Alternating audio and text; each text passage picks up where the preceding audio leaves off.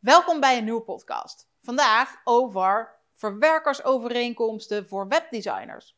Ben je als webdesigner nou verplicht om een verwerkersovereenkomst te hebben? Of om deze aan te bieden aan je klanten? En het flauwe antwoord is: dat hangt er vanaf. Het hele antwoord hoor je in de rest van deze podcast. Veel luisterplezier. Charlotte, de social media jurist van Nederland.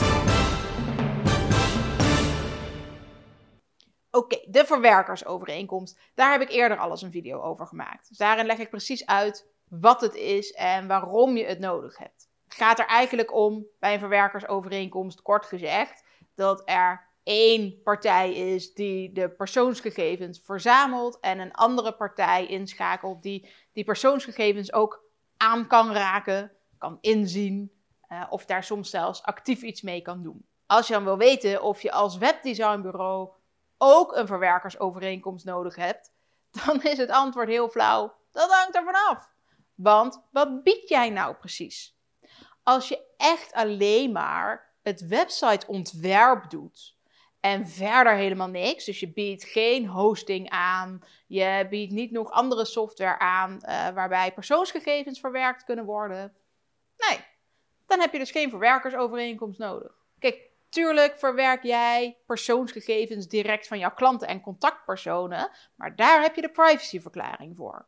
De verwerkersovereenkomst heb je pas nodig als jij voor jouw klanten persoonsgegevens bijvoorbeeld opslaat of uh, software host waarop dat opgeslagen kan worden. Kun jij als webdesigner de hele tijd op de servers waar de website gehost wordt en staan daar ook persoonsgegevens op?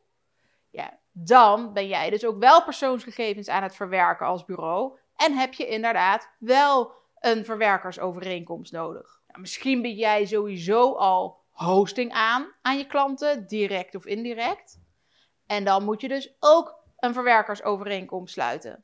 Misschien dat je daar niks actief mee doet en dat je die persoonsgegevens verder niet wijzigt, niet verplaatst, hè, niet aanraakt.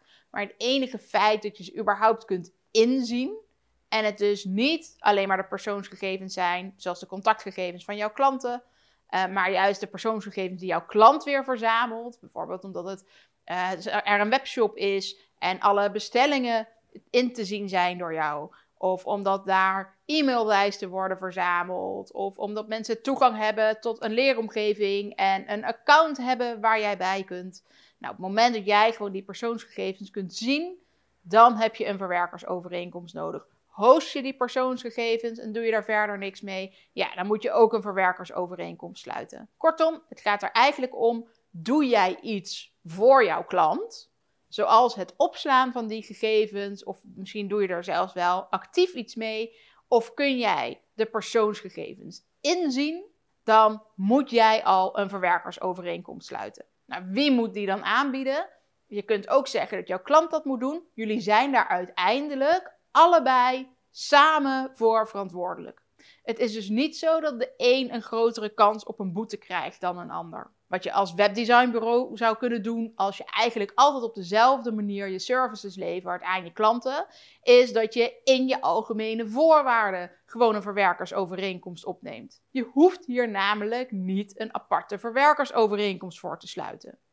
Waar het om gaat is dat de afspraken, zoals die in de wet staan dat je ze moet maken, dat die terugkomen. Dat kan dus ook gewoon in je algemene voorwaarden of in een ander contract dat je al met je klanten sluit.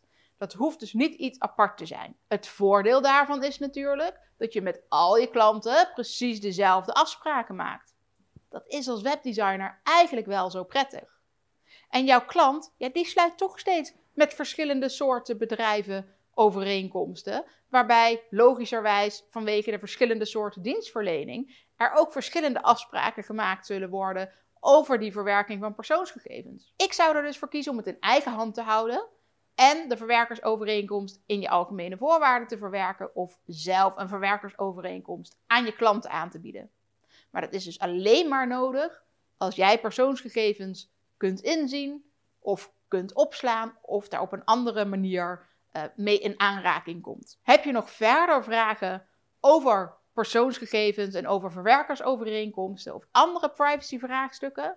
Boek dan een adviesgesprek via www.oploskoffie.nu en dan zorg ik dat jouw vragen beantwoord worden. Dankjewel voor het luisteren naar deze podcast. Abonneer je vooral via je favoriete podcast app. Dan hoor ik je heel graag weer volgende week voor een nieuwe podcast.